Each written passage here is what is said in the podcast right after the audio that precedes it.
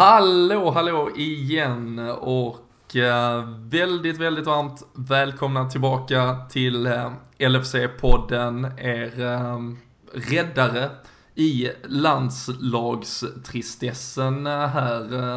As we speak egentligen faktiskt så spelar ju Sverige landslagsfotboll. Det, det säger väl lite om vart vårt fokus ligger denna vecka. Men um, vi får hoppas att de gör en jättebra match mot Portugal. Men det viktigaste för oss är såklart vad som komma skall på lördag. Det är derby, det är 228 i ordningen. Någon där ute får rätta mig om jag hade fel, men jag tror det. Och eh, vi välkomnar alltså vår blå lillebror, som vi ibland så taskigt säger, till eh, Anfield. Och eh, såklart ett packat avsnitt här idag. Det är jag, Robin Bylund och jag har såklart lite vänner med mig här alldeles strax. Så eh, det kommer bli eh, massa snack om det här eh, matchen såklart som väntar.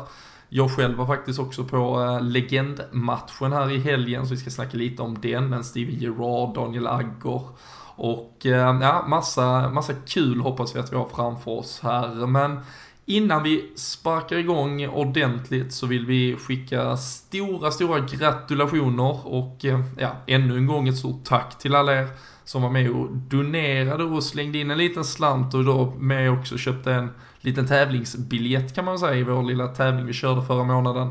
Men äh, vinnarna var äh, Emanuel Nystrand, vann en äh, t-shirt från Sam Dodds, eh, Niklas Richter vann en matchtröja och eh, den som kammar hem storkovan, eller den stora, stora priset där, Daniel Liljekvist drog hem två stycken matchbiljetter till Anfield, valfri match nästa säsong. Kanske blir just den matchen vi ska snacka om alldeles strax, derbyt, men det finns ju många härliga hemmamatcher att, eh, att sikta in sig på. Men eh, stort grattis till alla er och eh, som sagt ett stort, stort tack till alla er som eh, var med, bidrog. Eh, kommer säkert fler chanser och har vi möjlighet så låter vi gärna ut ännu fler priser dessutom. Och eh, riktigt, riktigt roligt också att vi fick lite napp på förra veckans krok som vi slängde ut med men egentligen en uppmaning till er där hemma att eh, om ni har något bra evenemang, någonting Liverpool-relaterat som ni tycker kan vara värt för, för podden är att komma ut på, delta i om vi kan bistå på något sätt eller bara finnas på plats. Och eh, fick mail direkt från eh, Tommy eh, som eh, driver eh, Degerfors eh, Golf och där den 19 augusti kommer annars, annars en stor, stor golftävling för eh, Liverpool-supportrar. Just nu 85 stycken anmälda, inget krav på diverse medlemskap eller så. Men ehm, hör av er till Tommy at degerforsgolf.se om eh, det skulle bli intressant. Podden kommer vara där i alla fall, jag själv kommer vara där. Och eh, även eh, lite andra spännande personer. Så eh, nej, kika på det och som sagt, hör av er om eh, ni har tips på något liknande vi kan dyka upp på. Men eh, nu eh, gör vi oss redo och så eh, välkomnar vi alldeles strax in mina kära kamrater här och drar igång veckans avsnitt. Boom! Ooh, what was this? Så där då ja. Då har jag bytt ut ensamheten, välkomnat in lite fler, fler folk i värmen. Daniel Forsell, Välkommen eh, in mitt i landslagsuppehållet.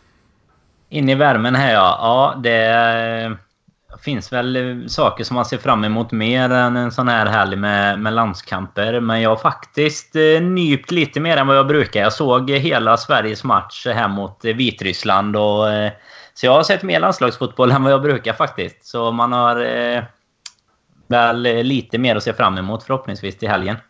Eh, Emil Forsberg, Ludvig Augustinsson, är det Liverpool-material nu efter en spaning?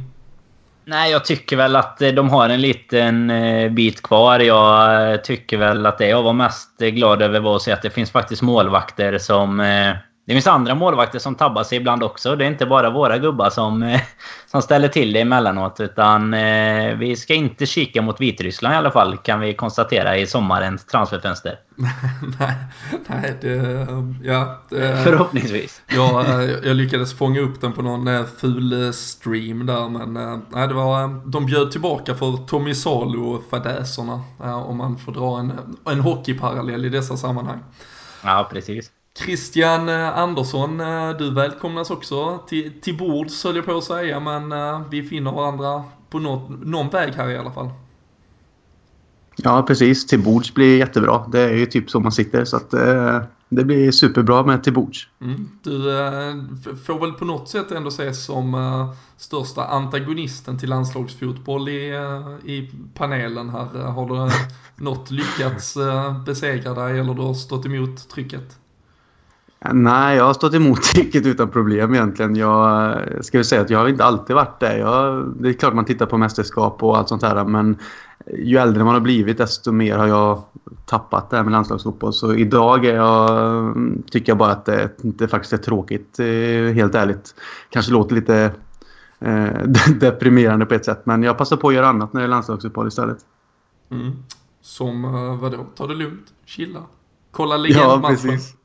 Ja, typ. Nej, men lite egna, alltså egna intressen. Skriva lite, läsa lite och rodda med lite andra saker som krävs i vardagliga livet helt enkelt. Men ja, legendmatchen eh, tittar jag på och den hade ju du en eh, trevlig ära att åka över tillsammans med din son och kolla på. Så att uh, du kan ju berätta lite om den så kan vi lämna landslagsuppehållet bakom oss tycker jag. Vi, bara, vi packar ner det liksom, släpper får väl anledning kanske tyvärr trista nyheter ikväll kring Adam Lallana och en eventuell skada som vi, på så sätt kanske vi berör landslagsfotbollen längre fram. Men eh, nej, legendmatchen eh, som du sa var ju eh, på många sätt kanske ett, ett jippo i dess, eh, dess rätta bemärkelse. Men, eh, men faktiskt eh, helt fantastiskt. Nu fick jag ju möjligheten som sagt att vara på plats och, och, ta med min son för första gången. Han, han fyller snart tre år, så ganska ung Anfield-debut får man väl säga. Ett par 15 år yngre än vad jag själv var första gången jag satte foten där. Men ehm, det var ju det var en typisk familjedag också ska sägas på, ehm, på Anfield. Och eh, vårvärme som ehm, ja, nästan gav 20 grader på lördagen var en sån sak i Liverpool är ju nästan ja, enastående och, och, inte så vanligt förekommande. Det är lite eh, duggregn som brukar höra till vanligheterna men, men framförallt så var det ju också fantastiskt att uh, man blir ju fan blödig när man, när man ser vissa, framförallt när man ser en Steven Gerrard som, som tyckte att det här var extremt kul att, att vara tillbaka. Nu vet jag inte hur många som har sett den här matchen, man kanske har sett lite klipp.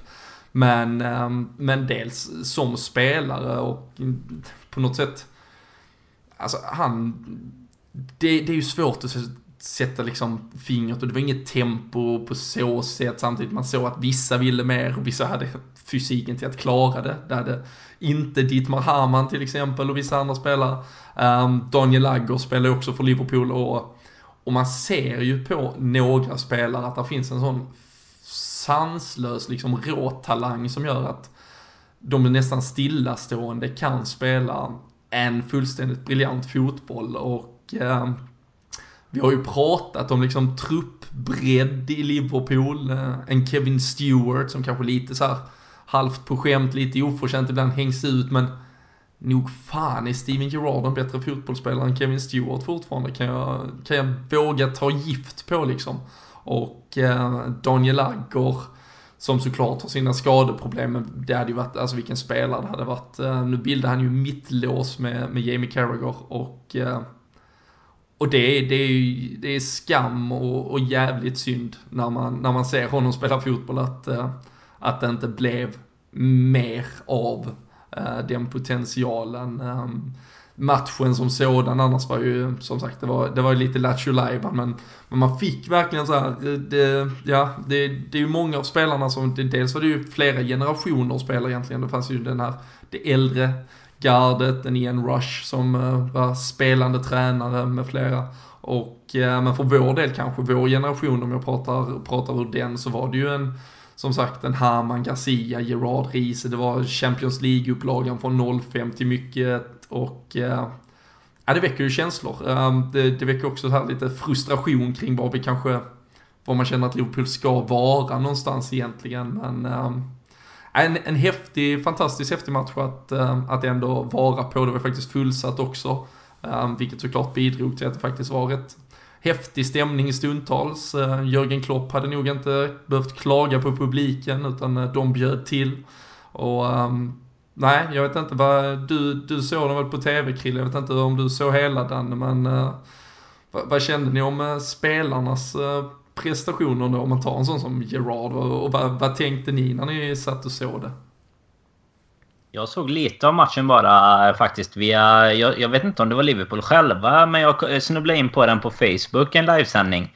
Faktiskt. Och eh, med superkvalitet. Mycket bättre än eh, vad, vad vi levereras helg ut och helg in här hemma kan jag säga. För att passa på pika lite. Men eh, nej, det var väl som du säger ett väldigt lågt tempo på det sättet. Men jag tycker också det som slog mig mest var egentligen att man börjar nästan känna sig lite gammal när man inser att våra hjältar nu är med i legendmatchen istället för att spela professionell fotboll om man säger så då. Eh, och precis som du är inne på, det var väl det här att man känner att eh, vad bra det borde kunna ha varit och vart vi kanske borde vara egentligen som eh, nästan gjorde mig lite, inte sorgsen ska man väl inte säga, men det är ju annat när man inte upplever stämningen på plats tycker jag. och Bara eh, sitter och kikar på det här hemifrån. Då blir det verkligen så här att man någonstans tänker att vi ja, har hamnat efter nu. Nu är vi väl på väg att bygga upp något förhoppningsvis igen. Men det känns verkligen att man har tappat de senaste åren tycker jag. När man kikar på de spelarna som du nämner där med Agger och Gerard och Carragher och, och så vidare då som egentligen är vår generations eh, stora spelare som eh, faktiskt börjar komma upp i åren här nu. Och jag kände det, det jag framförallt också, det är den här som sagt, det är vissa spelare som, som har kanske då lite oförtjänt nu. Det var ju även eh, mycket tragiskt, eh, kan vi nämna Ronnie Moran som, som gick bort eh, veckan upp till match.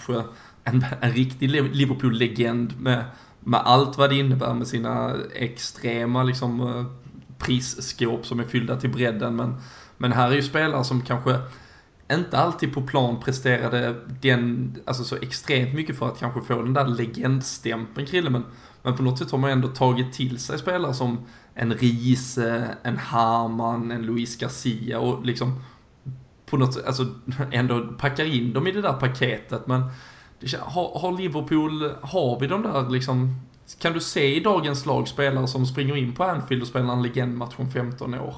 Alltså, är det den typen av spelare?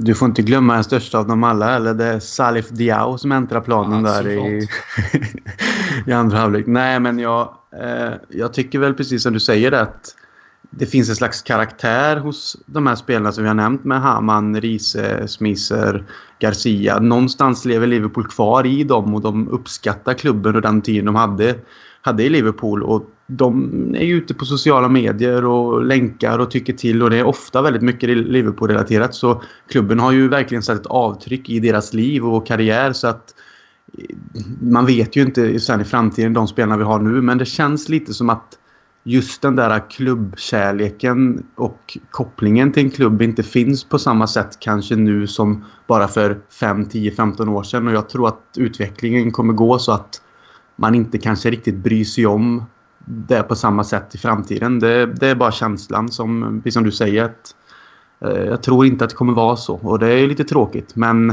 eh, för att gå, återgå till matchen med det jag tänkte på mest är ju faktiskt Daniel Agge. liksom. Jag kände direkt där bara vad, vad fan, det är så synd att skador förstörde den karriären för Visst att han har haft en bra karriär ändå, men han kunde antagligen blivit så jäkla mycket bättre om det inte varit för hans rygg och detta. För sån lugn, även om det är en legendmatch och det är liksom skoj och ploj, det lugnet och det drivet han har och bolltouchen och hur han läser spelet. Jag bara önskade att vi hade haft en sån spelare nu. Närmast är väl Matip, men Agger, Agger en lite yngre och eh, version där inte de här skadorna hade påverkat hade det varit en världsmittback, absolut. Så att, eh, där hade man lite ångest faktiskt att den tiden han hade hos oss, fast han kom relativt ung, försvann väldigt snabbt just på grund av skadorna och nu helt plötsligt har han lagt av och är inte gammal alls. Så det, det är tråkigt.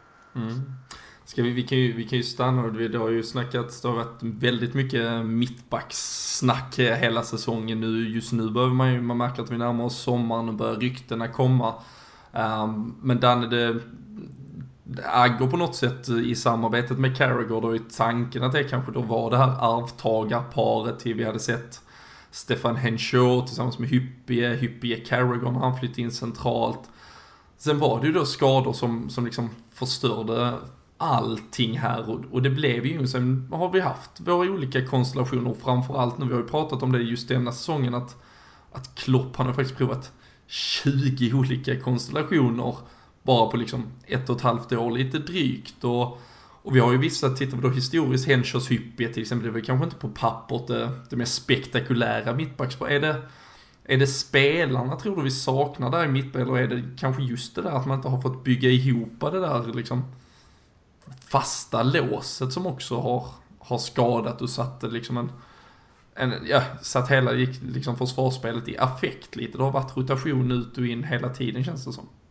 Ja, men det håller jag med om. Alltså 20 mittbackspar är ju helt... Det är ju extremt mycket. Sen kan man ju räkna bort kanske några eller vad man... Ja, det är ju ligacupmatcher och sånt här. Men dra ner det till i alla fall alltså 12-13 i, i stora, bra matcher om man säger så. Och eh, det, det är ju absolut något som påverkar tycker jag. För det blir ju ett visst lugn även om du inte har, som du säger, alltså de bästa spelarna på pappret. Men hittar du ett par mittbackar som funkar väldigt bra ihop så eh, gör det ju extremt mycket oavsett om det är världsstjärnor liksom på pappret eller inte. För jag tycker det kan man se på rätt många lag att det inte alltid behöver vara de allra bästa spelarna som passar ihop. De, man kan komplettera varandra på mycket olika sätt och det ger egentligen ett lugn genom hela laget sen tycker jag. För ja, men det startar ju ändå nerifrån. Du behöver lugn på målvakt och mittbackar. Du behöver vara trygg där. Du behöver veta att de gör sitt jobb och kan sköta uppspelsfasen och så vidare. Eh, så det tycker jag absolut. Jag tycker man ser det lika tydligt på mittbackarna som, som målvaktsfrågan som vi har varit inne och diskuterat så extremt många gånger. Men just att man inte... Det lägger sig inte det här lugnet i laget när man inte vet om man kan lita på, på killarna längst bak. Så. Mm.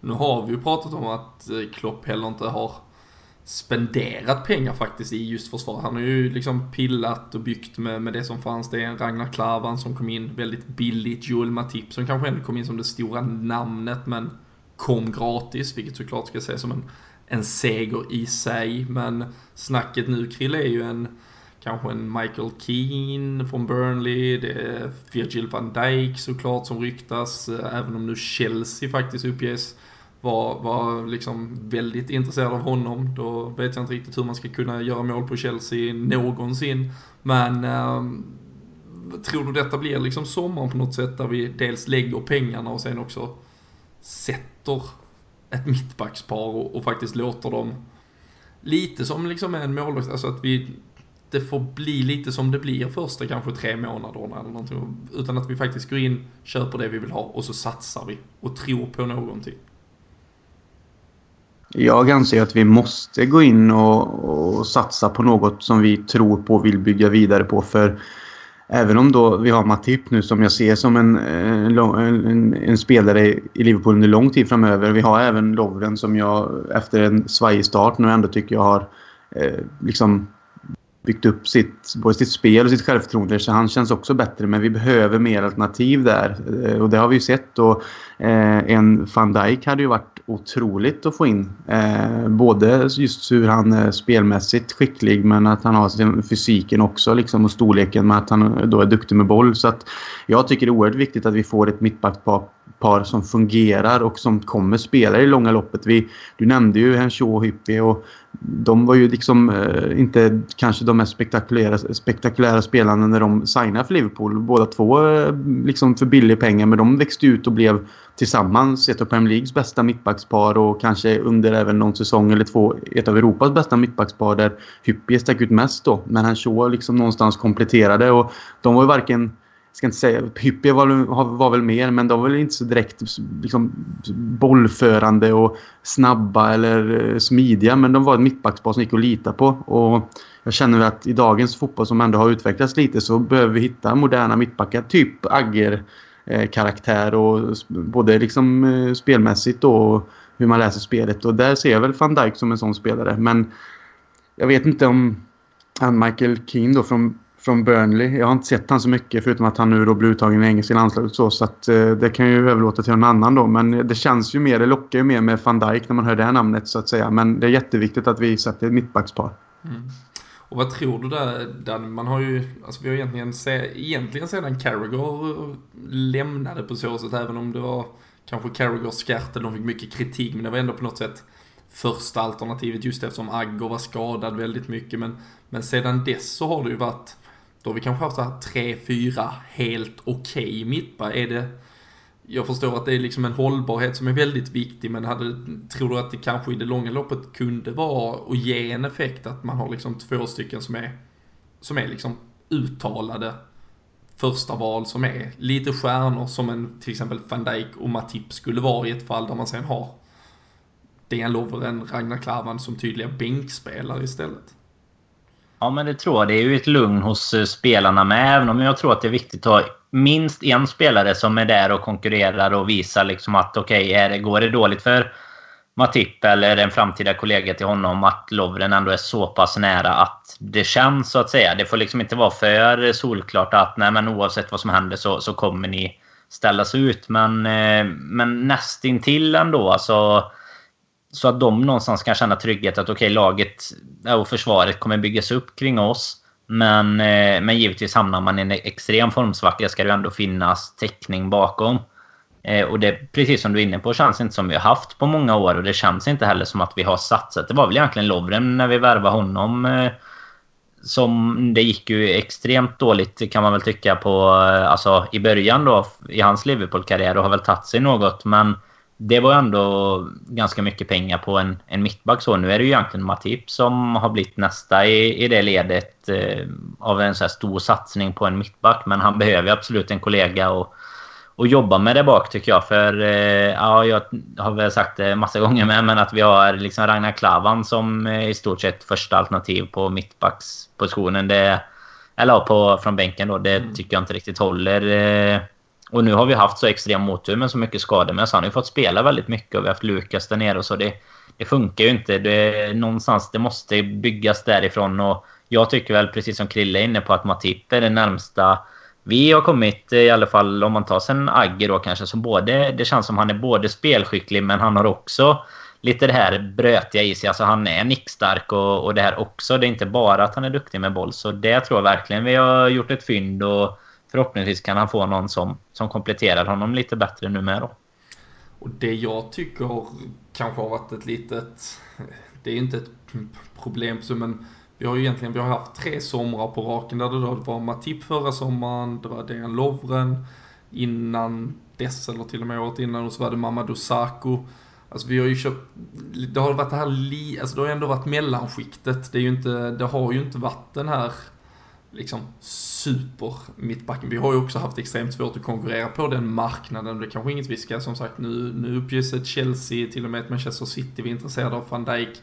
Det, det kommer ju sättas verkligen på sin spets hur mycket vi menar allvar eh, kring de här trans, Men det känns som att det krävs att vi landar det där riktigt stora namnet. Nu fick vi kritik i somras här och många som lyssnar på podden för att vi pratade om att Matip kom gratis. Så det är ju inte priset i sig, men ofta säger jag, så genererar ju prislapp också kvalitet. Åtminstone så ökar man sina chanser att eh, pricka rätt. Och det känns som att även nu i försvarsspelet, att det krävs att där läggs en eh, stor pengapung eh, för att verkligen se till att vi, att vi bygger upp och liksom helt enkelt, alltså sätter liksom fundamentet i en Matip plus en kollega och eh, nu nämner du Ragnar Klavan, nu visserligen var det en Lovren som precis var tillbaka, men mot Manchester City satt ju faktiskt det en Lovren på bänken och vi kanske inte är helt kan vara helt säkra på vem som faktiskt startar ens mot, eh, mot Everton här i derbyt. Så, så där är ju inte någon um, grundtrygghet på så sätt, även om Matip och Lovren bör ses som liksom alternativ ett. Men det, det har, vi har ju sett andra konstellationer eh, förr, så det, ja, det, lite reflektion som sagt på, på att se Daniel Agger och Jamie Carragher spela fotboll tillsammans i alla fall. Det gav, eh, gav lite eh, här, tankar kring vad, vad vi åter faktiskt måste fokusera på. Men eh, kort också, hur, eh, Krille, vad, vad sa du om Steven Gerrard? Han ser ut att trivas tillbaka på Hammer. Han har egentligen fyllt sociala medier nu i tre, fyra dagar efter matchen också om hur fantastiskt det var. Han, eh, han vet var hans hem är. Ja, och den där ribban där är väl fortfarande antar jag efter det här skottet han drog på där. Det är också en, en kvalitet hos en spelare som honom som sitter kvar som man inte ser alls ofta från våra nuvarande spelare som kan dra ett sånt skott. Och även om det tar ribban och inte blir mål så är det ändå en farlighet utifrån den och Ehm, även om Jerzy Dudek ganska slapphet lät den kanske gå förbi första näven också. Ja, ja, absolut. Men det är ändå rätt. Den är, den är ändå på mål. Det är Absolut. tryck i bössan. Liksom. Det, det händer någonting. Nu ser man oftast det känns som att avslut är rätt så tama. De går högt över. Det finns ingen precision. Men han behöver knappt det. Han bara trycker till och vet exakt vart eh, målet är. Sen att um, han har gjort många mål därifrån innan som har gått i nät. Men hur som helst, att det är en legendmatch så tyckte jag liksom, det är ändå ett sånt där uh, wow-moment när man sitter och tittar. Där man bara, åh, den ska liksom gå in då för snygghetens skull. Men nej, Gerard är ju ett unikum och eh, han hade ju lätt kunnat eh, ta en plats på bänken och vara med och spela en del matcher. Det ser man ju, den kvaliteten besitter han ju. Så att, eh, fortfarande en stor saknad och en liten sorg i, i själen och hjärtat eh, från min del. Mm.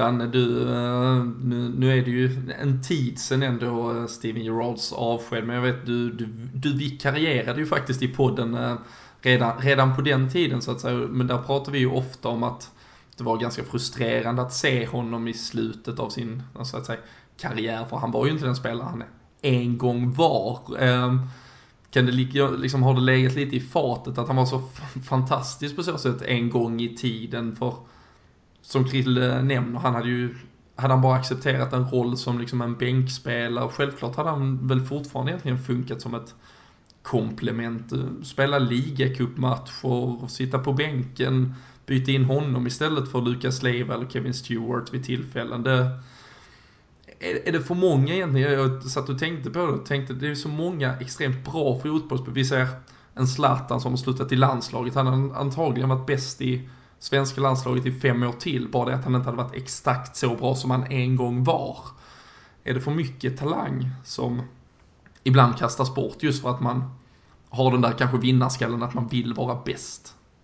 Ja, men det tror jag. Precis det du nämner det sista. Alltså, man, man vill vara bäst. Man vill att laget ska byggas kring sig själv. så För att det är klart att han hade ju kunnat fortsätta. Framförallt när han lämnade så hade han ju kunnat eh, vara med och vara en truppspelare. Och han hade ju säkert startat de flesta matcherna ändå tror jag. Men jag tror det är det här att han han med många andra då känner att nej men nu, nu kommer jag inte vara liksom center of attention längre och jag kommer få finna mig att faktiskt börja vissa matcher på bänken. Jag kommer få sitta mot Everton och mot United, kanske de här stora matcherna som han verkligen brinner för. Kanske lite extra också då.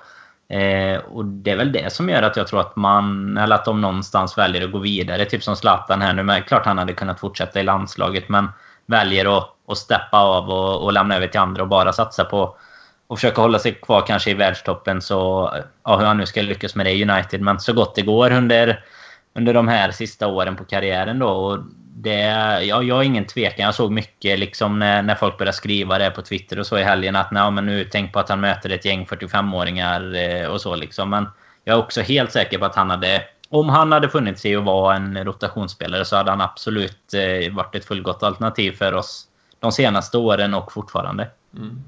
Man ser ju faktiskt just idag, tisdag kväll när vi spelar in det, 24 år sedan exakt som Francesco Totti gjorde debut för Roma. Och där har man ju en spelare som har accepterat sin roll, Krille, och, och liksom bara förlängt eh, sin dröm som han lever uppenbarligen. Ja, det är ju också en eh, legend. Sa du 24 år? Mm. Alltså. ja, det, vad är han? 42 typ eller något? Ja, Jag vet 40 i alla fall tror jag. Ja, 40. Ja, nej, det är helt Jocke Lundberg sjukt. var inte ens född när han eh, gjorde debut. Det är mäktigt. Nej, han var inte ens till påtänkt.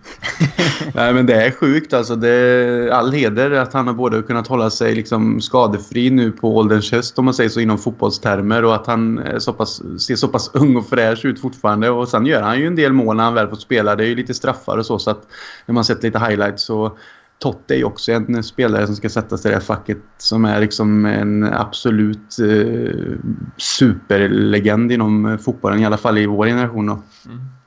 Det, um, li, lite mer om bara en LFC-podd här idag eh, uppenbarligen. Lite, lite legender också, det hoppas vi att ni Eh, kan eh, tugga i er. Eh, men nej, vi ska väl lämna ändå legendmatchen där. Som sagt, tankarna och känslorna väcks. Vi får se. Det, man har väl ändå stängt boken. Man var där och såg hans sista hemmamatch, den riktiga Steven Gerrard och det är väl på något sätt ändå liksom ja, fantastiskt att, att kanske ha den här känslan, att ha den med sig nu att ja, det kunde varit så mycket mer istället för att man kände att man var liksom trött på honom. Så det, det finns såklart två sidor av eh, det här myntet. Eh, men eh, jag tänkte att innan vi går in på Everton-matchen som såklart kliar i fingrarna, munnen nästan vattnas när man ska börja snacka om det, så ehm, har det ju också återigen lite typiskt landslagsuppehåll, framförallt när det gäller sydamerikanska spelare. De flyr Europa plötsligt, eh, lokal media. Eh, vi vet att Brasilien gärna drar igång trådarna kring Neymar, Coutinho, spansk media hängde på. Nu eh, var han plötsligt överst igen på Barcelonas önskelista. Nu skulle, nu skulle det bli liksom jävla, jävla business här till sommaren. Ehm, för någon reflektion kring att eh, framförallt är ju Coutinho i fullständigt usel form, så det, det här måste ju baseras på, på helt andra grunder än, äh, än vad han presterar just nu egentligen. Jag blev rätt förvånad när jag såg det faktiskt. Eh, just av den anledningen. Jag förstår att det är huvudämnet när det går som det gjorde i höstas och han är en av kanske världens hetaste spelare. Men eh, jag tyckte väl och kände, alltså det, jag tycker inte det känns lika seriöst eller vad man ska säga. Det, det känns som att de drar upp det varje landslagsuppehåll, precis som du är inne på. För det blir alltid så fort det liksom är fokus på något annat än Premier League så är det ju transfernyheter i, i första hand kanske som kommer. Och, nej, jag tycker väl inte... Alltså det gör mig inte mer orolig om man säger så. Jag var väl, det kan ju också bero på hans form och att man inser att han inte är untouchable så. Men eh, det var ju nästan värre om man säger så när det började komma upp i höstas tycker jag. För eh, när, när han var så het och man kände att aha, nu tappar vi han i januari bara för att han har varit lite för bra. Men eh, nej, vi får väl se till sommaren. Det, de måste ju ha något att skriva om och klart att de, de gillar ju det här med Coutinho till Barcelona. Det märker man ju i media om inte annat. Får vi väl se vad, vad han själv och vad Barcelona säger. För jag tror väl att vi tyvärr eh, fortfarande har väldigt svårt att konkurrera med framförallt Barcelona och Real Madrid, om de öppnar plånboken och eh, många sydamerikanska spelare vill ju väldigt gärna spela där tror jag. Mm. Jag, jag vet, jag skrev själv en krönika om det i, i höstas. Det var ju visserligen i ett läge där Liverpool eh, i stort sett ledde ligan, där Philippe Coutinho var kanske hela Europas bästa spelare och skrev just om ja, det som kan kallas lite situation Suarez som vi hade 2013-2014, att om Liverpool kom kanske nära en Eh, en titel eller nära en Champions League-plats, men att Filip Coutinho kände att han var den som bar laget på sina axlar, att han att man inte orkar kraftsamla sig för en till säsong. Nu som du nämner så är vi såklart i ett helt annat skede där Filip Coutinho inte alls eh, är den som, han skulle vara glad att han i stort sett är, är kvar på planen just nu, det har vi också pratat om de senaste veckorna.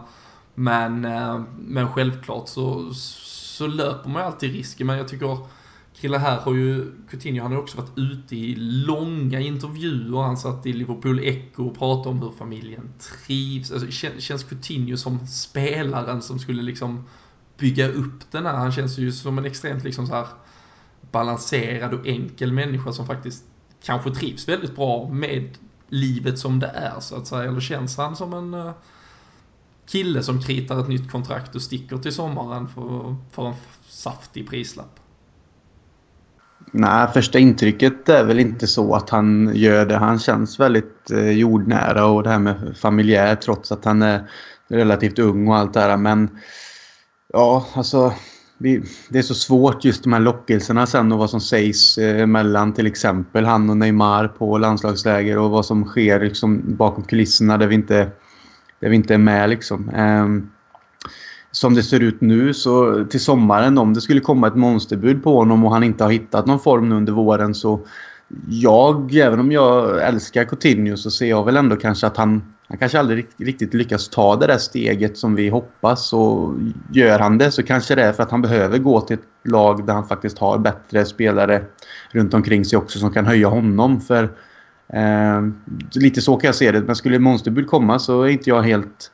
Eh, vad säger man? Jag är inte helt främmande för att sälja honom faktiskt och kunna plocka in lite andra spelare för de pengarna. Men samtidigt så tänker man till exempel på Hazard-fallet då. Hans riktigt usla eh, säsong förra säsongen och jämfört med, med nu då när han är en av ligans bästa spelare igen och Coutinho skulle ju kunna göra en sådan eh, resa också. Där han, liksom, han har ju ändå visat under stora delar av säsongen vad han, vilken eh, talang han och kvalitet han besitter. Så att det är en svår fråga men man, jag vill inte förlora honom. Men kommer ett bud på de här 60-70 miljoner pund och kanske uppåt från Barcelona och om man vet att det finns alternativ där ute som man vill lägga de här på. Man kanske kan få inte få riktigt bra heta spelare för de här pengarna som kanske passar bättre in i ett kloppbygge också så tycker jag nog ändå att man ska överväga den, eh, den dealen. Mm.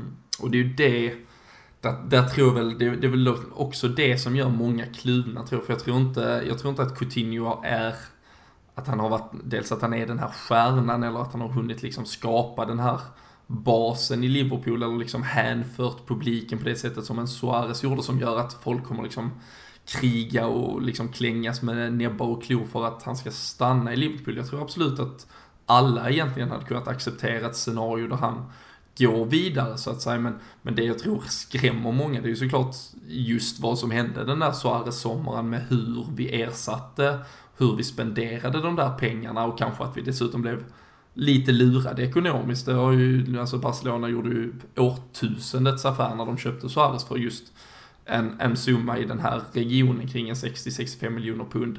Vilket han har betalat tillbaka mångdubbelt med allt vad han har bidragit med.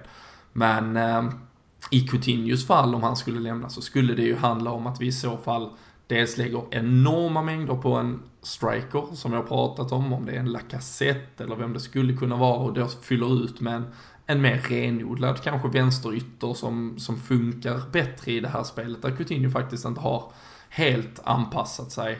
Och eh, där måste ju Klopp såklart bestämma egentligen huruvida han vill anpassa sitt spel efter Coutinho eller om han vill anpassa faktiskt spelarmaterialet efter den formation han gärna vill spela och helst föredra. Sen um, får vi ju se där, men, uh, men det känns bara det inte blir, som sagt, en sån där sommar där vi säljer Coutinho och plockar in fyra stycken så här halvdussin lirare för 15 miljoner pund var som ska fylla upp med, ja men han bidrar med sju mål där och ditten datten, utan det krävs en eller två riktigt stora stjärnor i just positioner vi verkligen behöver för att ersätta honom. Sen pratas det ju faktiskt om Paul Joyce från Express som är väldigt initierad med väldigt mycket bra källor på Merseyside. Han pratar ju om att det ska kunna bli den här stora, stora sommaren för Liverpools del där det pratas nivåer om nästan en miljard som skulle kunna spenderas för att Jörgen Klopp har liksom förtjänat mandatet i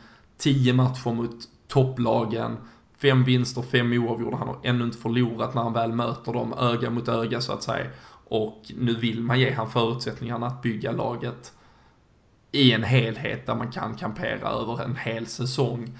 Och eh, det var ju det man var väldigt, man, man var givmilda mot till exempel en Kenny Dalglish efter bara ett par månader som fick en hel sommar spenderade.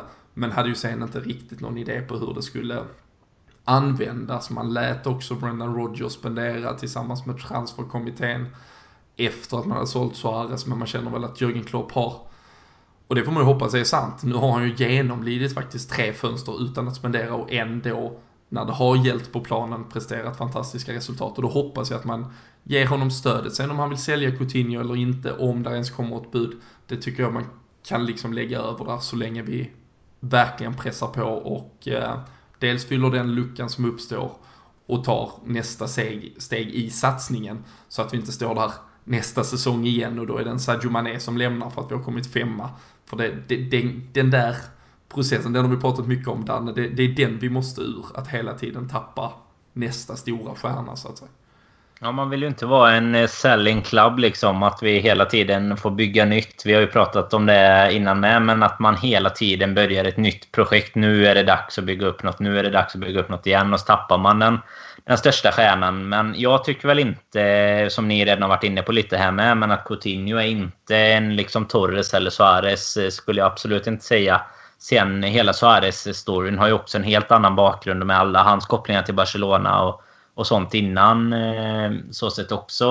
Jag hoppas väl att som ni var inne på lite där med att Coutinho går ut och pratar så mycket om hur, hur bra han har det och så, så hoppas jag väl att det inte bara är, är bullshit heller utan att eh, han känner... Jag tror att Klopp är en sån tränare som också kan få spelare att känna det här att det finns ett förtroende kring att bygga laget kring dem och det är klart att eh, det förhoppningsvis är lite roligare att, att sitta med Klopp och höra det än kanske med Rodgers och så med. Så att det är viktigt tror jag att vi har fått in ett tränarnamn som faktiskt kan attrahera spelare. Även om givetvis typ Champions League och sånt är viktigt också för att få de allra bästa. Men jag tror att Klopp i sig eh, gör mycket för alla vet vad han står för. Att han står för en fröjdig anfallsfotboll och gegenpressing och heavy metal och allt vad det är. Så att eh, Nej, jag tror väl att vi har bra förutsättningar och de får gärna öppna plånboken men det får de väl får göra för vem som helst nästan tänkte jag säga. Bara det kan förbättra våra resultat. Så men det är väl klokt med om de känner att han har förtjänat förtroendet först. Eh, för som du är inne på Robin, det är ju ändå tre fönster nu som har,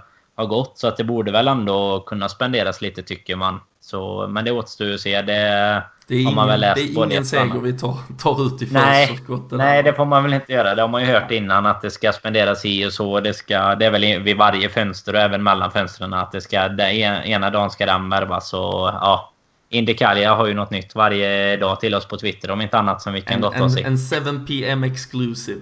ja, exakt. Det tackar man inte nej till. Men uh, nej, så är det ju. Det är, brasklappen är ju också vilka spelare som sen är intresserade att uh, krita på kontraktet. För där Ja, och tillgängliga ja. från sina klubbar om man säger så. Det är ju inte bara prislapp. Det är långt ifrån det det handlar om idag skulle jag säga. Vad, vad prislappen ligger på. Utan det är spelarna själva ska vara intresserade av, av klubben också. Och det var ju det som flera journalister pratar om nu. Att även om Liverpool är beredda att kanske i engångskostnader så att säga i en övergångssumma spendera. Så är man inte beredd att möta löne eh, liksom lönestrukturen som ligger i ett Manchester City, ett eh, Chelsea Um, om än att Liverpool, det har synts och cirkulerat siffror på att vi har lika höga, men det är framförallt att vi har väldigt breda, vi har låga och vi har stor organisation som kostar pengar.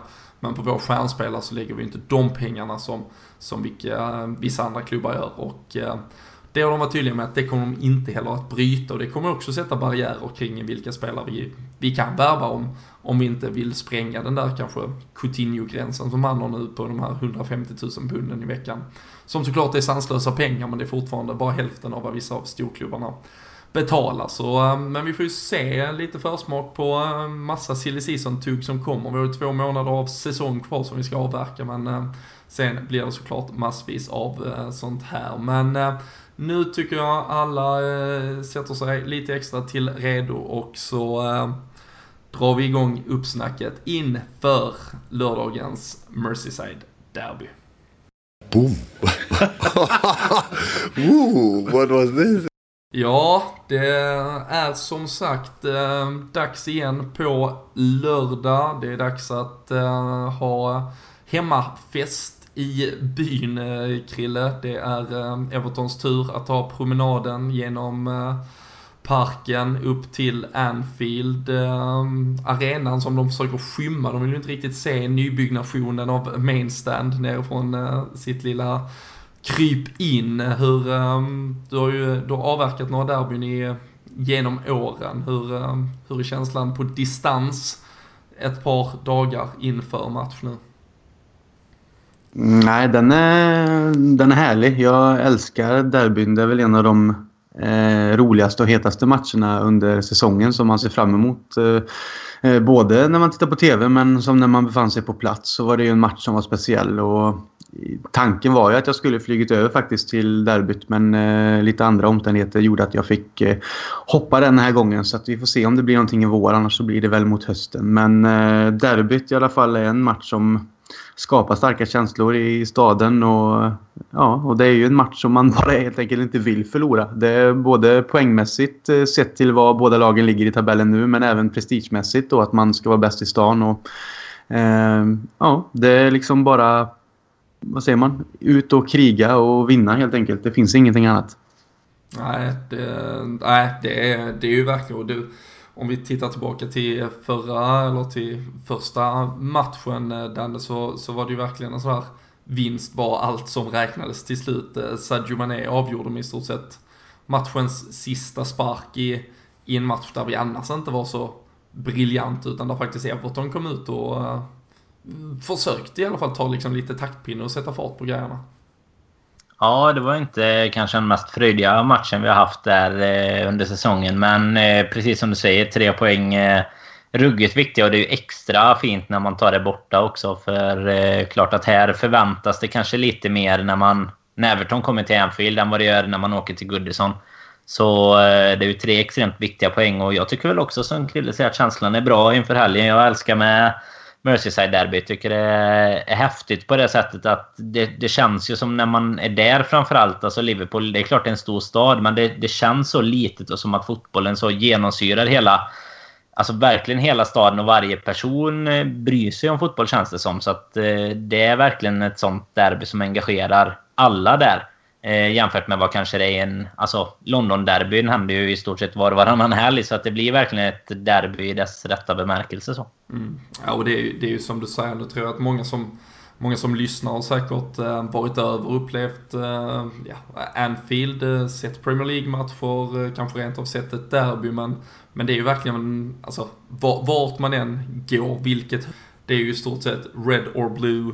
Det, det är ju hela tiden eh, frågor kring det och, och, det är ju fotboll som snackas konstant. Eh, jag la ju till och med upp på vårt Instagram-konto. Ni vet ju att ni kan följa oss där. Eh, heter LFC-podden, väldigt enkelt. Eh, taxin upp till Anfield, då var den tydlig. Det var en Liverpool-supporter. Han hade klätt in det med Don't buy the sun. Um, hemresan, däremot en Everton-supporter hängde en lite blå bjällror och annat. Och eh, inte lika prat, prat, pratglad när han, när han såg såklart vart, eh, vart vi kom ifrån. Så det, det, det är de här små, små grejerna. Sen är det ju annars väldigt, väldigt härlig stämning ska ju sägas mellan just Liverpool-supportrar, Everton-supportrar. Oftast och i stort sett alldagligt, men, eh, men på matchdagen Krille, då, då, då växer det ändå lite såklart i, i alla. Det är ju till och med familjer som liksom går åt varsitt håll där på matchdagen. Ja, så är det ju. Och det, är ju, det är ju, har ju sin charm också. Men just som du säger på matchdag. Eh, inte för att jag upplevde någonting själv så, men man har ändå hört lite historier om, om eh, lite eh, liksom turbulenta situationer där kanske inte har blivit våld men det har varit väldigt eh, hotfullt och så. Och det, det finns ju alltid inom citationstecken så, men idioter i alla läger som vill starta sådant. Så att det kommer man väl inte undan. Men just på arenan om man säger så är det ju mycket eh, sånger mot varandra och som är relativt hatiska och inte så jättesnälla. Eh, men det tycker jag väl hör till så länge det inte går över gränsen då. Till exempel att man refererar till Hillsborough och annat eh, som har hänt. Men just att man ligger på en gräns där man ändå kan Eh, trycka ner och vara lite eh, otrevlig om man säger så tycker jag är helt okej okay i en sån match. Och det skapar bara en härlig stämning på ett sätt. Men eh, så länge det stannar på arenan och när man kommer ut sen så är det oftast många som går tillsammans som är röda och blå som går till puben. Och det, det visst det kan vara beroende på matchens utgång så det kan vara lite Eh, bistra miner och så. Men eh, oftast så är det mycket skratt och gemenskap också. Så att det, det, är en sån här härlig stämning som är lite svår att ibland tyda. Att man är både, man är både vän och eh, familj och släkting och kollega och allt det här. Och man tycker om varandra. Men just där och då så kan man hata varandra. Men en stund efteråt så är det kärlek igen. Så att det är skönt på något sätt att hålla på ett lag som Liverpool där det finns den här eh, stadsrivaliteten på det sättet som det faktiskt är. För jag kan inte riktigt se att det finns någon annanstans faktiskt. Även om som i Manchester finns två lag också så är det inte alls samma sak. Utan det här gör också för mig att Liverpool som stad och Liverpool som klubb med rivaliteten mot Everton är något speciellt och eh, utan dem så eh, hade det faktiskt varit eh, rätt så tråkigt tycker jag. Mm. Ja, så är det ju såklart. Jag tror jag tror ingen, varken i det röda eller blå läget så att säga, så här, hoppas att det andra laget skulle åka ur hur mycket man än kan liksom, ja, sitta och skratta åt det på något sätt. För de mår ju väldigt bra av att ha varandra faktiskt och eh, det bidrar ju såklart till hela den kulturen som eh, hela tiden liksom bara pumpas i i staden. Eh, vi nämnde innan att det var 24 år sedan Francesco Totti gjorde debut och så har vi att Jocke Lundberg, vår kära poddkollega, inte var född.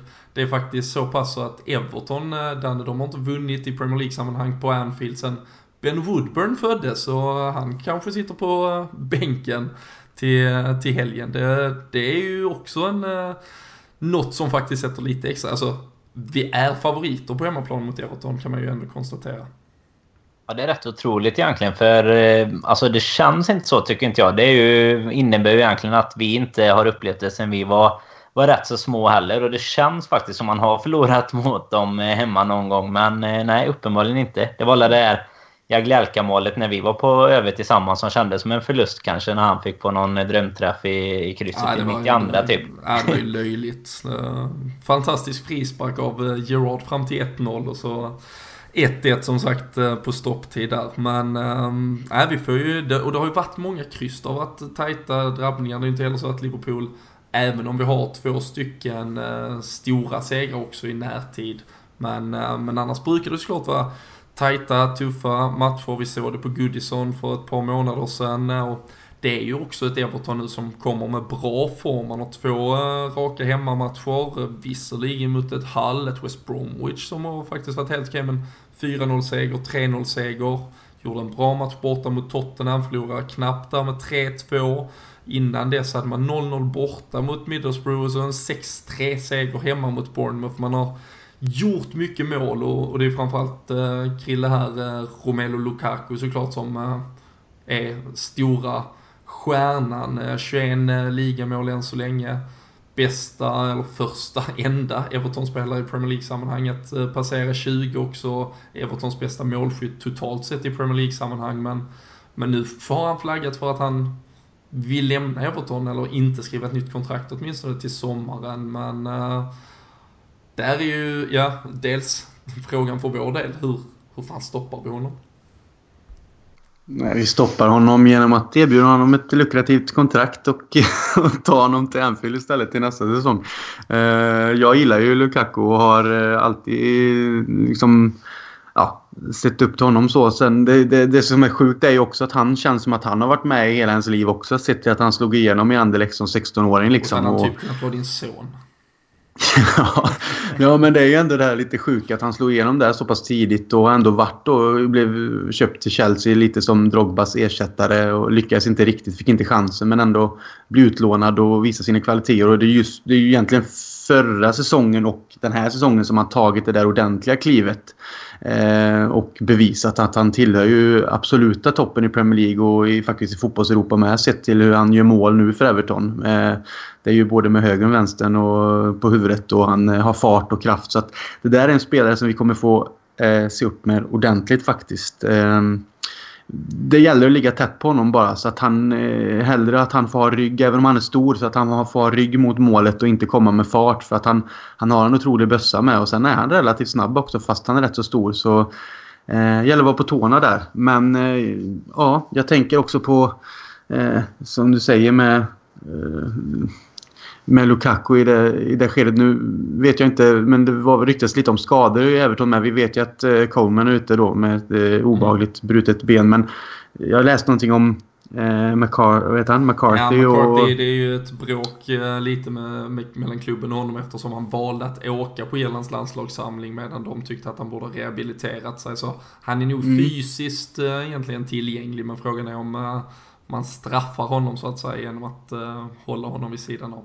Ja, och sen var det väl jag också som skulle kanske vara osäker. Jag ser väl lite att det här är ändå spelare som är väldigt duktiga just passningsmässigt och framåt. Så att det gäller ju att Lukaku får rätt bollar med. Så jag hoppas att det kan påverka lite. Att han får en sämre match och plus att vi då som sagt måste ligga nära. Men sen att han flaggar också för att lämna Everton är väl...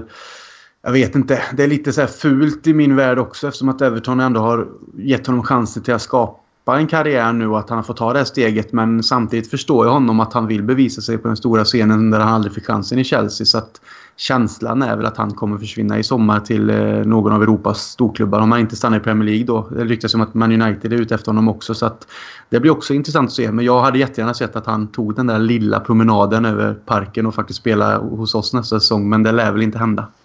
Nej, eh, det, ja, då har han eh, mycket balls i alla fall. Det är ingen, eh, ingen flytt som görs var och varannan dag annars. vi är inne lite på skadorna här. Den är som sagt riktigt otäckt med, med Seamus Coleman, men vågar man vara så fräck och säga att det ändå såklart är ett, en jättefördel för oss, kanske tillsammans med Lukaku, deras bästa spelare. Ja men så är det ju. Det är ju sorgligt att säga och det, det kan man ju aldrig, vad ska man säga, vara, vara glad över så. Det är ju helt fruktansvärd tackling han åker på. Det är ju aldrig kul att se någon skada sig så men det, det är klart att det är en fördel för, för oss i matchen om man säger så då. Men då, då kanske det hellre är att de ska vara borta på grund av en förkylning eller någonting. Eh, det är ju en helt eh, ja, horribel eh, satsning han eh, åker på. Det är jäkligt tråkigt för eh, Coleman har varit en sån spelare som jag alltid har tyckt var... Han är alltså, likeable liksom. Han är ja, enkel. ja, han är ju det. Han gör ju jobbet. Han är enkel. Han gör det bra. Han är liksom Steve Finnan. Eh, inte 2.0 vill jag inte säga, utan version 2 bara. Ja, nej, version 2 tänkte jag. Han är kopia bara. Inte, vi ska inte sänka Finnan ännu. Nej men eh, det är verkligen alltså, enkelt att tycka om honom och jag tycker lite som Krille var inne på innan att Everton överlag sådär är det är någon sorts hatkärlek jämfört med kanske United och så där man ändå Alltså, all, man har lite gemensamma problem också med Hillsborough och sånt här där man inte alltså, hånar varandra på samma sätt utan det finns lite glimten i ögat oftast även om det givetvis finns grupper som, som förstör det mer eller så. Men, eh, men just på, på skadorna där så hade man... Lukaku behöver inte bryta benet. Man får gärna käka något dåligt eh, på fredag kväll här. Ja, så att han är lite på i magen här innan. Ja, precis. Ja, vi, eh, om vi går över till vår egen del så, eh, så nämnde vi inledningsvis tyvärr då väldigt eh, trista rapporter här under kvällen. Adam Lallana uppges ja, vara i farozonen här för att missa ett par veckors spel efter att, ja, det, det refereras i alla fall till att det ska vara en skada han drog i landskampen mot Litauen. där var han visserligen ute efter matchen utan att eh, liksom påstå att han såg fram emot derbyt. Men det har väl varit annars på träning så att säga här eh, i samlingen med, med landslaget. Och vi är ju redan skadeskjutna, det vet vi ju. Eh, laget har, har varit på Teneriffa och eh, värmt upp eh, inför det här derbyt. Och vi har en Coutinho och en Firmino som är iväg på landslagsuppehåll fortfarande med Brasilien. Flygs hem i det som nu börjar, börjar bli ett reguljärt eh, privatplan eh, som pendlar Brasilien, Liverpool när de eh, är iväg. Men eh, det här påverkar ju såklart vår eh, offensivkrill att eh, Adam Lallana nu är borta och hur, och hur hur ska vi se på den här matchen? Vi har pratat förr att eh, Firmino till exempel funkar bra som en nia i de här stormatcherna. Men att man kanske behöver mer någon sniper i, i vissa andra. Vad, vad är det här för en typ av match och vilken typ av uppställning tror du vi hade mått bäst av? Jag tror ändå att en sån här match är mycket kriga även om eh, säkert Klopp vill köra sitt eh, race med att sätta hög press och vinna boll och, och allt det som man gör hela tiden. Men jag tror att det krävs eh, fysisk, eh, en stor fysisk närvaro från alla spelare med och att man faktiskt verkligen vågar eh, som går in i närkamper och att man tar de här löpningarna som krävs. För Everton kommer ju göra det också. Det, det är ju en match som blir lite extra energi. Det har vi hört Steven Gerrard prata om också. Just att eh, alla höjer sig lite extra och de som är lokala spelare liksom säger till de andra lagkamraterna som kanske kommer utifrån att den här matchen är extra helt enkelt. Och Just när jag tänker då Adam Lallana, för att återgå till honom där han skadas, så är det otroligt synd. För vi vet ju vilken motor han är med sitt löpande och den skickliga fotbollsspelaren som han är. Som vi pratade om senast, det här med att Klopp hade gått ut och sa att han var den mest tekniska fotbollsspelaren han någonsin har jobbat med. Och han har varit oerhört viktig för oss och är oerhört viktig för oss. Så att jag tycker det är ett jättestort avbräck sett till hur vi spelar då med Firmino längst fram antagligen och sätter press direkt. Och Lallana ligger ju där bakom och är en ettrig jävel om man säger så som kommer i andra vågen och sen också jäkligt duktig när vi väl anfaller. Så att, tyvärr tror jag att det kan vara ett sånt avbräck som kan vara rätt så avgörande i en sån här match. Kanske inte att vi förlorar men att vi kanske inte riktigt får med oss tre poäng och att eh, det blir svårt för oss att bryta ner ett Everton som ändå är fysiskt starka och också spelskickliga. Så att, eh, när den nyheten kom ut så eh, kändes det inte alls bra för min egen del. Ja. Hur, eh, hur resonerar du Dan i förhållande till att eh, Firmino ändå är anfallare här eh, dagen till ära på lördag eller är det här en match där en Divock Origi kan ges en chans? Det såg vi ju mot Burnley hemma till exempel för ett par veckor sedan. Då valde man ju att prova en sån uppställning, visserligen då i, i saknad av Firmino, men vi pratade ju mycket om det innan, att försöka hitta en, en annan roll för, för Firmino där man får plats med en anfallare till så att säga. I den här matchen hade jag egentligen gärna sett honom som anfallare i, i brist på alternativ då med en typ Lukaku-spelare som, som vi gärna hade haft tillgång till. Men med Lalana borta så tror jag väl att vi kommer få göra en liten rokad för som vi har sagt så många gånger, vi har ju eh, ganska mycket bristande alternativ egentligen på bänken. Det är om man ska slänga in eh, typ Lukas och göra någon, någon förändring på mitten eller om Origi ska in och Firmino får ta ett steg ner. Eh, ja, jag vet inte riktigt vad... Jag hade gärna sett honom eh, som sagt som anfallare men då hade också Lalana behövts i, i elvan. Så här kanske det blir att man får slänga in Origi och så får man ta ner Firmino ett steg då. Mm. Ja, det känns ju, jag tänker ju spontant att det är två alternativ. Det är ju lite beroende på om Jordan Henderson är, är redo för en comeback eller inte. Han uppges ju gå en kamp mot eh, den berömda klockan så att säga. Men eh, Jordan Henderson tillsammans med Gini Wijnaldum och Emre Can skulle ju kunna bli det som då ersätter det här tremanna mittfältet som tidigare har inneburit en, en Adam Lallana och så kan man ändå behålla då Coutinho, Firmino, Mané som en intakt då anfallsformation och eh, är det inte så att Henderson är redo däremot så får man ju fortsätta spela Chan Wijnaldum i det här tvåmannamittfältet på något sätt och mer än 2-3-1 kanske variant där Coutinho, Firmino och Mané ligger bakom en Divock Origi. Jag tycker fortfarande det är två faktiskt väldigt konkurrenskraftiga elvor eller då uppställningar offensivt i alla fall. Även om vi, vi har sett en Adam Lallana som såklart bidrar med den en extra dimension och han har ju varit ganska mycket i skymundan vad gäller sitt produ alltså producerande av poäng i form av mål och assist. Även om han gjorde ett eh, väldigt snygg assist för England här senast men jag tycker ju fortfarande ändå, eh, jag vet inte, hur känner du kring det? Vi, går vi in som favoriter eller inte till det här? Och, och det är ju också, vi har pratat om det för det här är ju en match som på många sätt kan liksom markera att vi på allvar vill liksom sitta pole position inför det som är säsongs epilogen.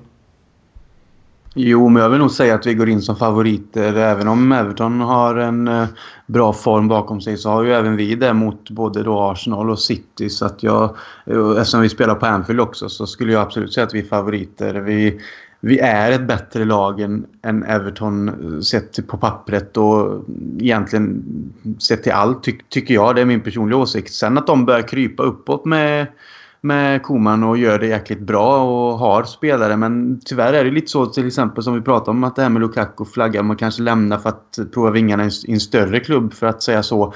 Det är ju det som är lite eh, deras problem större än vad vi har. Även om vi har tappat stora spelare under eh, de gångna åren också så tappar de ju fler kanske när de väl sticker ut i en klubb som Everton. Då, då kommer de stora och nappar om rätt och stort för att de är inte, har inte samma status som Liverpool har historiskt sett. Och Eh, så att eh, allting runt omkring gör att jag tycker att vi är en stor favorit i matchen. Sen gäller det att gå ut och göra jobbet med och som jag sa innan, det är ett derby så att går man inte ut med 100% för att kriga så har man redan där skjutit sig själv i en fot i alla fall för eh, Everton kommer liksom inte lägga någonting emellan utan de vet också om vad som gäller och det är där vi kan falla lite på i så fall.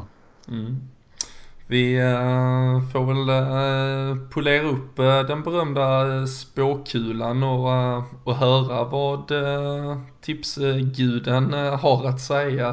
Danne, du senaste begav sig var det Manchester City, då var det 1-1. Det genererar ju en slant till alla som tog rygg. Hur, hur låter domen inför derbyt? Och det är kanske är dags att, att lägga in en peng själv den här gången. Det har ju varit bra form nu, men jag eh, säger 2-1 eh, till oss. Eh, jag tror eh, faktiskt att det kommer... Jag tror vi kommer vara riktigt bra. Jag har den känslan. Jag tycker att detta känns som en stor match och de har vi ju levererat bra i. Så att, eh, nej, 2-1 eh, blir det Mm. till helgen. Kanske rent av bra då att liksom Everton har varit i så här bra form och att det känns som något speciellt istället för att det är något, något avslaget då helt enkelt. Ja, men lite så. Mm. Härligt. Eh, Christian, det är ju egentligen, det spelar det typ ingen roll vad du säger. Vi vet att eh, Danne hade rätt här, men eh, om, om du bara vill bidra till, för, för god ordnings skull i alla fall. Jag hade ju faktiskt också tänkt säga 2-1 så att Ja, då hade jag ju också haft... Det tog jag Ja, ja, precis. Men jag, det, jag kände ändå att fan, jag tog han. Men ska jag då ändå dra till med något? För jag tror ändå att det blir tight. Men jag tror inte bara att det blir 1-0 utan då säger jag väl 3-2 då. Men samtidigt är jag lite så här, kan vi få styr på Lukaku så tror jag att Everton får det svårt sett till sina skador och sånt med. Så att, ehm, och det är ju Lukaku som gör målen men mm, 3-2 säger jag helt enkelt. Då säger jag 4-0. Så har vi... Du tror på en sån här god match där vi hade 41-3 eller vad det var i, i attempts. Där, där till och med Lukas Leva sköt från halva plan och Jörgen Klopp höll på och trillade ner från sin stol och asgarv. Men eh, Det hade varit en god start på helgen om inte annat. Det är gött tycker jag med en sån här match som är, startar upp helgen om, om man tar en seger vill säga. Så man sätter press på resten av, eh, av lagen där uppe. Man liksom ja, gottar sig igenom helgen. varje för match man sitter och ser så är det bara att ticka in poängen varje gång någon misslyckas. Det, um, men en extrem stress om man inte tar sina egna tre poäng såklart. Så det, det- mm, återigen, det där berömda myntet och dess två sidor. Men eh, vi eh, får eh, såklart eh, se som sagt lördag förmiddag beger det sig. Sen har vi ju bara ett par dagars mellanrum. Sen är det Bournemouth hemma också. Det eh, spelas ju en hel del fotboll nu här i slutskedet av säsongen. Men vi klämmer såklart in ett avsnitt däremellan så ni hör oss igen om en dryg vecka. Men vill ni själva med och tippa så eh, håller ni utkik på Twitter under veckan. Det kommer upp där. Eh, ni har hört vad Danne har sagt 1-1. Krille säger 3-2. Jag säger 4-0. Jag har ju ingen aning. Men eh, ni andra brukar veta bättre. Sam Dodds sponsrar i vanlig ordning med priser där så håll utkik. Och eh, tills vi hörs nästa gång, ta hand om er och eh, ha det gött.